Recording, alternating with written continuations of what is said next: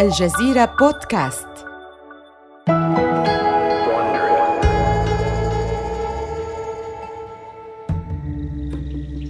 إنه ديسمبر عام 2007 في جزر هاواي. يجوب هوارد شولتز غرفته قلقا قبيل الفجر. لم يذق النوم طوال الليل. أرقته فكرة ظلت تتردد في ذهنه. ستاربكس تهدم نجاحها بيدها. ترمقه زوجته شيري بقلق وهما يتناولان طعام الإفطار. هاورد أرجوك كل شيئا. لا أستطيع. لا أشتهي شيئا. لقد اعتاد أن يستمتع بعطلة رأس السنة مع عائلته في هاواي. إنها المناسبة التي يتاح له فيها الاجتماع بزوجته شيري وأطفاله لقضاء وقت معا. لكن الآن تشعر شيري بالقلق. لأن زوجها يبدو بائسا ومشتتا للغاية. يدفع طبق الإفطار بعيدا وينهض عن الطاولة ويذهب ليتفقد حاسوبه. يجد الرسالة التي كان ينتظرها قد وصلت. تشاهده شيري وهو يقرأ البريد ثم يغطي وجهه بكفيه. فتهرع إليه. ماذا تقول هذه الرسالة? لا أصدق ما أراه. تنخفض مبيعات كل متاجرنا عما كانت عليه قبل عام. إنها في حالة سقوط حر. هاورد كل قطاعات الأعمال تمر بمنحنى صعود وهبوط تربح مرة وتخسر أخرى. لكن ستاربكس ليس مجرد عمل بالنسبة لي. إنها كل حياتي. معك حق. انظر إلى كل ما حققته منذ أسست ستاربكس كشركة. تنمو بالتدريج يوما بعد يوم. لقد جعلت منها محطة يجتمع فيها الناس معا. نعم.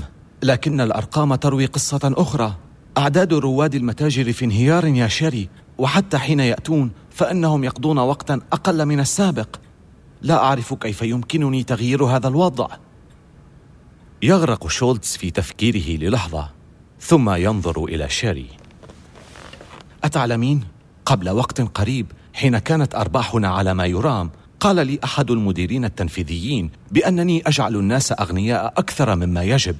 وأن المستثمرين يعتقدون أن هذا الانتعاش لن ينتهي ابدا. ظننت أن هذا أمر رائع آنذاك لكن نجاحنا هو الذي قادنا إلى هذا الفشل. لا أفهم ما الذي تقصده؟ أعني أننا ركزنا اهتمامنا على الأرباح ولم نقدر زبائننا بما فيه الكفاية. أعتقد أن هذا هو سبب الخسارة. عليك أن تفعل شيئا حيال ذلك إذن. ولكنني لا أرى أي فائدة في إلقاء اللوم أو توجيه أصابع الاتهام. أوافقك الرأي. لا نملك الوقت لهذا على أي حال. أسهمنا ومبيعاتنا تنهار بسرعة كبيرة جدا. يجب أن أجد الحل على الفور. لن تنتظرنا Dunkin' Donuts حتى نصلح هذا الوضع. تتشكل الإجابة ببطء في ذهنه قبل أن تصبح واضحة كالشمس. وما سيقدم عليه شولتز لاحقا سيكون امرا غير مسبوق. وسوف يجعله محط سخرية بل وسيصدم الجميع بما في ذلك فريقه نفسه. ولكنه في النهاية يعرف بالضبط ما يجب عليه القيام به. العودة إلى نقطة البداية.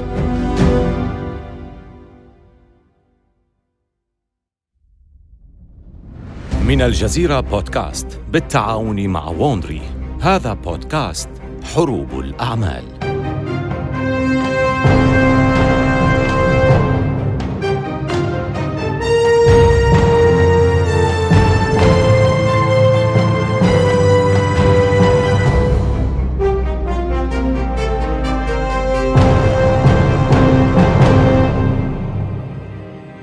في الحلقة السابقة حقق هاورد شولتز حلمه بتحويل ستاربكس إلى مشروع مقهى إسبريسو راق ومتميز.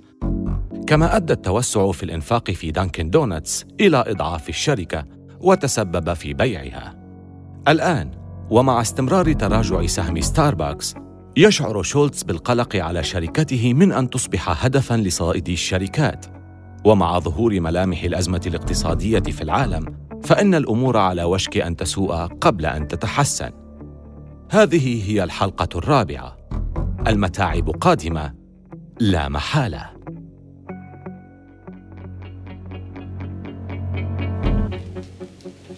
إنها ليلة الأحد الأولى في عام 2008 مطر بارد يتساقط على مدينة سياتل. قبل يومين فقط عقد هاورد شولتز اجتماعا سريا مع الرئيس التنفيذي للشركة جيم ماكدونالد يستعد شولتز في منزله الآن لإعلان خبر ما يتصل مساعده بفريق الإدارة يريد هاورد منك الحضور إلى منزله في التاسعة مساء هذه الليلة لماذا؟ ماذا يحدث؟ لا أستطيع إخبارك ورجاء لا تخبر أحدا عن هذه المكالمة لماذا كل هذا الغموض؟ سوف تعرف كل شيء عندما تكون هنا يسمع شولتز صوت حركة إطارات السيارات على الحجارة أمام منزله. يصل أعضاء الفريق تباعا. المدير المالي ورئيس العمليات وكبار القادة المسؤولين عن كل شيء من عمليات المتاجر والتسويق وحتى الشؤون القانونية. يندهش القادمون بمجرد رؤيتهم لمن سبقهم بالحضور من أعضاء الفريق في غرفة المعيشة. تبدو الأجواء متوترة. وليس هناك أي أحاديث جانبية بين الحضور الذين يتبادلون نظرات حذرة وهم ينتظرون على الأرائك والمقاعد الكبيرة. وفي تمام الساعة التاسعة مساء يدخل شولتز الغرفة ويقف ليخاطب فريقه. سأدخل في صلب الموضوع مباشرة. اعتبارا من الأمس فإن الرئيس التنفيذي الحالي جيم ماكدونالد قد غادر الشركة. وابتداء من الغد سأعود لتولي منصب الرئيس التنفيذي. يجلس الجميع في صمت. إنه مؤسس ستاربكس ورئيس مجلس الإدارة. ومن الواضح أن عودته إلى منصبه ليست امرا مطروحا للنقاش. وفي صباح اليوم التالي السابع من يناير عام 2008 يتم الإعلان عن خبر عودة شولتز لمنصبه كرئيس تنفيذي. يقطع شولتز شوارع سياتل الجبلية بسيارته. فبعد فترة الاضطرابات التي مرت بالشركة يشعر بالحاجة لتذكر أيامه الأولى في ستاربكس كي يستعيد تلك المشاعر التي قادته إلى عالم القهوة أول مرة. لذا يقوم برحلة عاطفية إلى المتجر الرئيسي للشركة والذي انتقل بضعة مبان من موقعه الأصلي. يخرج مفتاحه الشخصي من جيبه ويفتح الباب. يخيم الظلام على المكان وتقف آلة الإسبريسو اللامعة ثابتة بلا عمل. رائحة حبوب البن الغنية تملأ الهواء من حوله. يصيبه هدوء المكان بالذهول. وبينما يمرر يده على طاولة البيع الخشبية الأولى يستشعر ذكريات ثلاثة عقود من التاريخ تحت أطراف أصابعه. وراء هذه الطاولة تعلم تجهيز مشروب الإسبريسو عندما كان شاباً. يعيد له المكان الكثير من الذكريات، خاصة تلك الثقة التي كانت لديه آنذاك في تلك الأيام التي سبقت معرفته بكل المشاكل التي يمكن أن يواجهها ستاربكس. سيحتاج لنفحة من تلك الثقة القديمة الآن لإصلاح الوضع. يلقي نظرة أخيرة حوله ويترك المتجر المظلم. بعد ساعات عاد شولتز لمكتبه يراقب كبار موظفيه المنتظرين بصمت في غرفة الاجتماعات في عيونهم انكسار الهزيمة. بدا له أنهم يشعرون بالحرج لأنهم سمحوا للشركة بالانهيار. يقف على رأس طاولة الاجتماعات يأخذ نفسا عميقا. إذا كان هناك وقت أمثل لتحفيز الفريق فإنه الآن. أنا بحاجة إلى شيء واحد فقط وهو إصلاح الشركة بعدما آلت إليه أوضاعها. يخيم الصمت على القاعه وينتظر الجميع شولتز بقلق وهو يستأنف حديثه. حسنا ها هي المشكلة. لقد كنا نتبع القوانين الخاطئة للعبة. فقد وجهنا كل اهتمامنا إلى المستثمرين حتى لا نخيب آمالهم لدرجة أننا غفلنا عن رؤية ما هو مهم حقا عملاؤنا.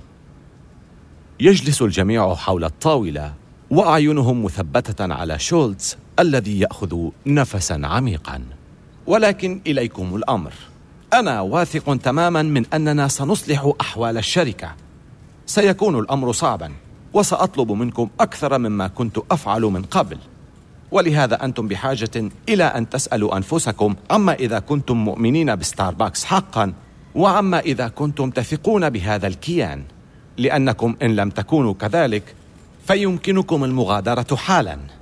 لن أحمل تجاهكم أي ضغائن لن أرحل يا هاورد. ولا أنا. وأنا كذلك.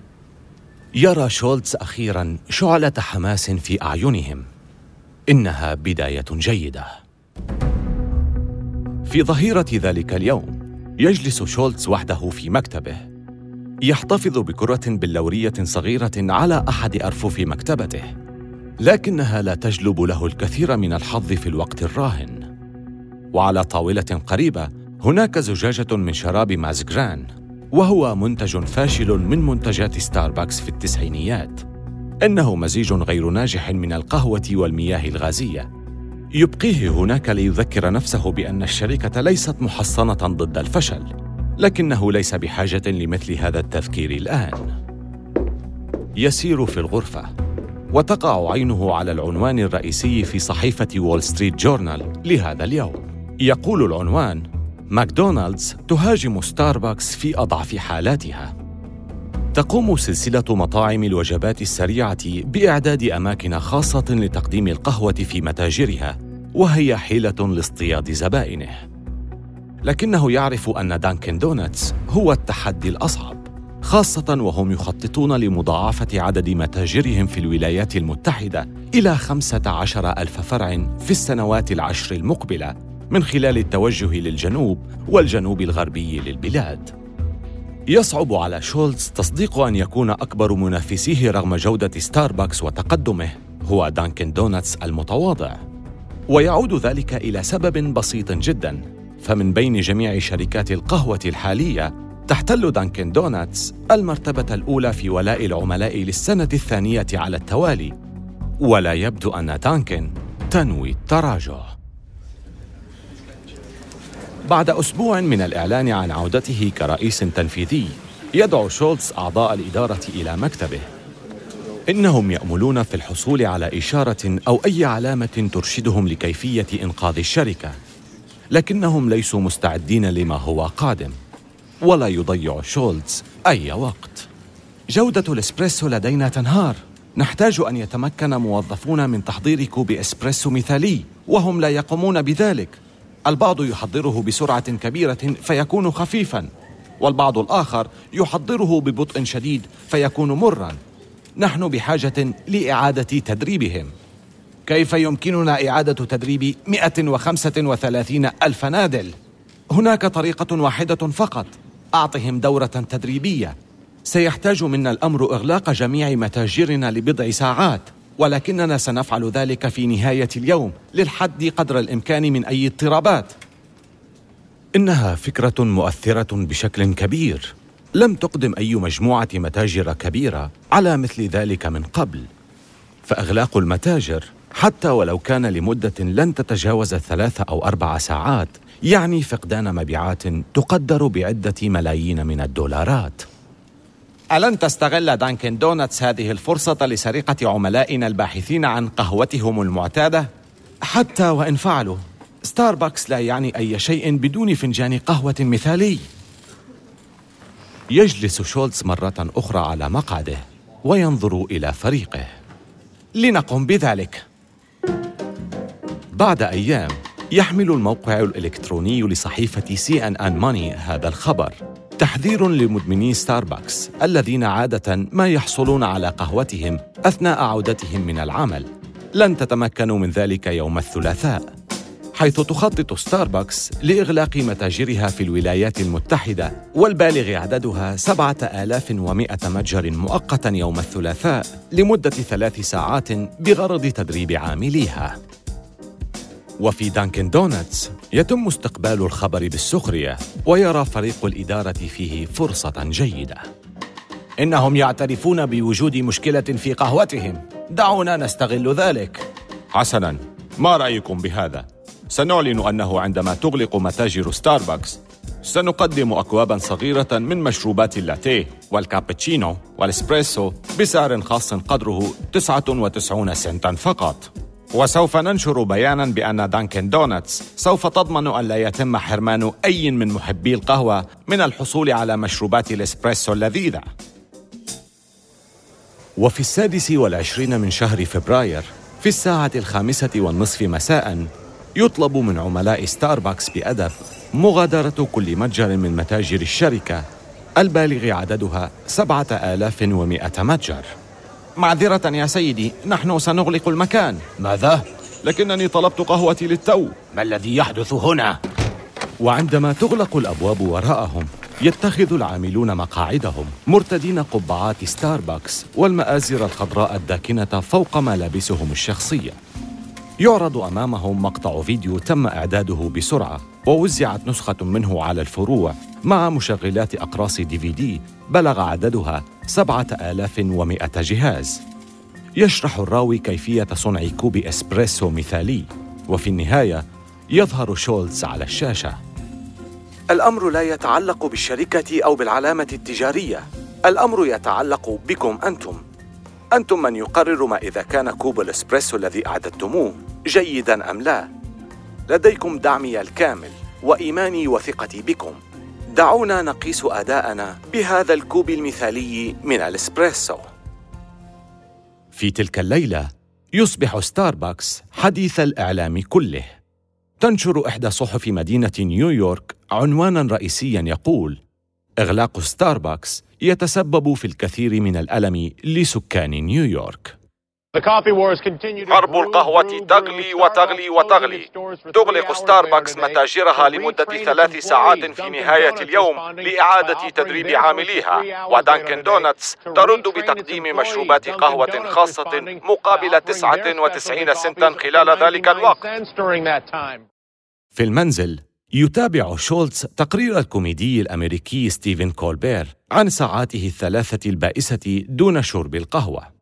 وينتهي العرض الكوميدي بكولبير وهو يغرق نفسه بحمام من القهوة والرغوة والقرفة. ولأول مرة منذ أشهر يذهب شولتز للنوم ضاحكاً. لكن الأمر لن يكون مضحكاً لهذه الدرجة حين يعلم أن إغلاق المتاجر كلف ستاربكس ستة ملايين دولار. لدى شولتز رسالة لكبار مديريه. لقد تحملنا ثمن الإغلاق. ولكن إذا كان هذا يعني أننا سنقدم قهوة رائعة مرة أخرى فإن الخسائر حتما تستحق كل هذا العناء. ولكن مشاكل ستاربكس لم تنتهي بعد. وفي إبريل يخفض ستاربكس النفقات بمقدار 150 مليون دولار ولكن المزيد من الخسائر يلوح في الأفق. يحمل نائب الرئيس الأول لتطوير المتاجر آرثر روبنفيلد الأخبار السيئة إلى شولتز. أكره قول هذا لكننا مثقلون أكثر من اللازم. يفوق عدد متاجرنا قدرتنا على الإنفاق والإمداد بالمواد الأساسية في هذه الظروف الاقتصادية. لذا أعتقد أننا بحاجة لإغلاق 200 متجر. ماذا؟ لقد أوقفنا بالفعل افتتاح 348 متجرا جديدا. نحن لا نحقق نسبة اثنين إلى واحد. هذه النسبة هي الركيزة لنموذج عمل ستاربكس يحتاج أي متجر جديد خلال عامه الأول. تحقيق دخل يساوي دولارين مقابل كل دولار يتم استثماره لتغطية نفقات التأسيس والإيجار. ولكن في خضم الركود الحالي ينظر إلى القهوة باهظة الثمن على أنها ترف ولا يقبل الناس على شرائها كما كانوا يفعلون من قبل. يأخذ شولتز نفسا عميقا ويجلس على كرسيه. هذا سيكون أسوأ من إلغاء افتتاح المتاجر تلك لكن الأمر كان ضروريا حينها لتصحيح مسار الشركة. لكن هذا يبدو كهزيمة. ولكن مع حلول شهر يوليو بدا واضحا أنه يجب إغلاق المزيد من المتاجر. العدد النهائي هائل إذ يبلغ 600 متجر. إنها تمثل تقريبا 8% من مجمل متاجر ستاربكس. لكن الشركة تعلن أنها ستفتتح 200 متجر جديد في العام التالي. وهو ما سيشغل الإعلام بشكل كبير. ما يحدث الآن هو اعتراف بخطأ. ما يريدون قوله في الحقيقة هو أتعلمون لقد افتتحنا الكثير من المتاجر في الكثير من الأماكن ولم يكن ينبغي علينا فعل ذلك. لذا علينا أن نتتبع خطواتنا الآن ونغلق كل المتاجر الخاسرة قبل أن نتمكن من افتتاح بعض المتاجر الجديدة. مجددا. يستغل ستيفن كولبير الفرصة للسخرية من عملاق القهوة. اللعنة على متاجر القهوة المحلية التي أجبرت ستاربكس على إيقاف العمل. ماذا أفعل بكل هذا المال الإضافي الآن؟ وأنا لا أنفق أربعة دولارات يوميا على القهوة. Oh, أشتري ألبوم جوني ميتشل. لا لحظة لا أستطيع. كل متاجر oh, ستاربكس تغلق. مع انتشار أخبار خططهم تنهار الأسهم وينتهي التداول عند أدنى مستوى له منذ عام 2003 ثم تأتي مشكلة تسريح العمال حيث تفصل ستاربكس 12 ألف عامل على مستوى العالم. وهذا تقريبا ما يمثل 7% من عدد العاملين في الشركة في العالم. بعد كل ما فعله شولتز لإصلاح الشركة عاد إلى حيث كان في هاواي قبل عام. يؤرقه العدد الكبير الذي تم تسريحه ويتساءل عن الخطوة التالية وإلى أي مدى يمكن أن تزداد الأمور سوءا؟ سيأتيه الجواب من اختبار تذوق.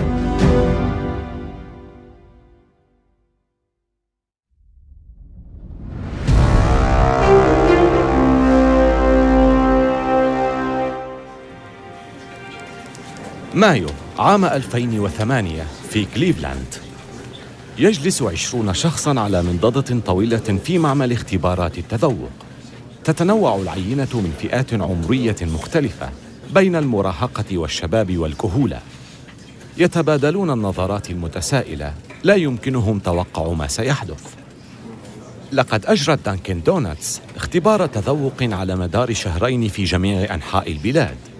يضع الاختبار قهوة دانكن دونتس الأصلية مقابل قهوة ستاربكس المنزلية.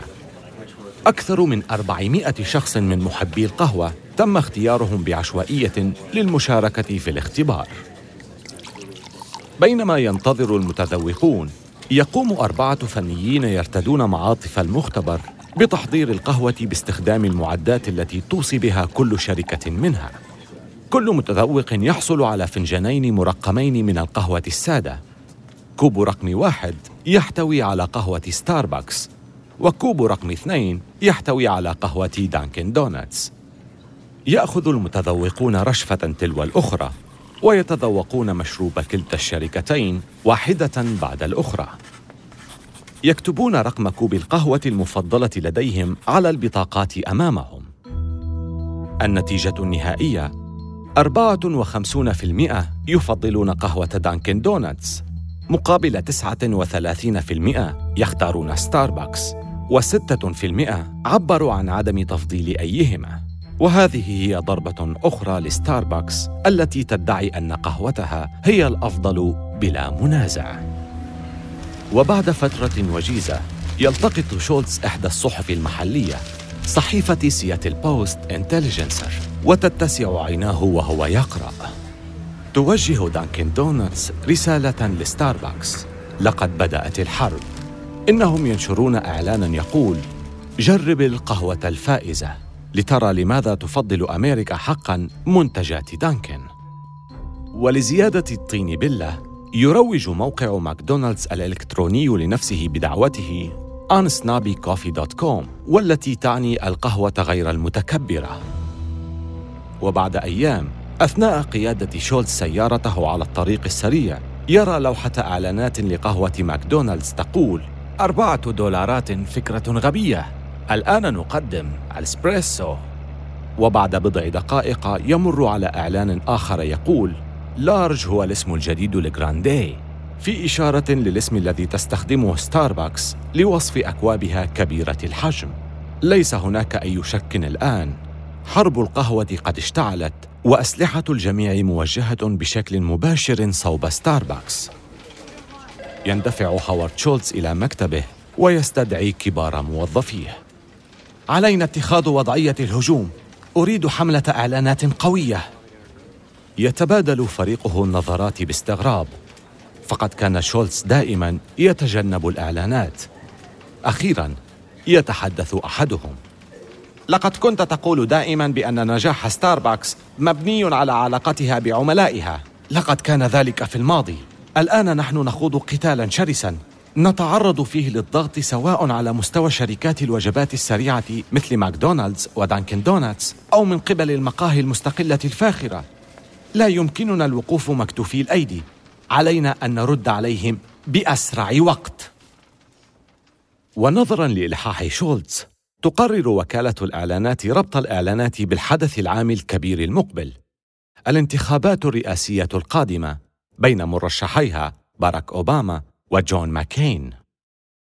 في الواحد والثلاثين من أكتوبر عام 2008 وقبل خمسة أيام من الانتخابات تشاهد الإدارة أول إعلان لستاربكس على الإطلاق. إنه غير اعتيادي مميز بلا أي تعليق صوتي مجرد موسيقى بيانو هادئة وكتابات باللون الأخضر تظهر على الشاشة تقول إذا قمت بالتصويت فإن ستاربكس ستقوم بإهدائك كوبا من القهوة مجانا. تعالوا إلى ستاربكس في الرابع من نوفمبر. أخبرونا بأنكم أدليتم بأصواتكم في الانتخابات ونحن سنقدم لكم بكل فخر. كوبا كبيرا من القهوة مجانا. شراكتكم مع ستاربكس أكبر من مجرد كوب قهوة. إنه رائع جداً. الآن علينا أن نجد أفضل أوقات الإعلان المناسبة وندرس ما إذا كنا نستطيع تحمل تكاليفها. وعلينا أن نتأكد من أن لدينا ما يكفي من القهوة للتعامل مع زيادة الزبائن. أمامنا أربعة أيام لترتيب كل أمورنا.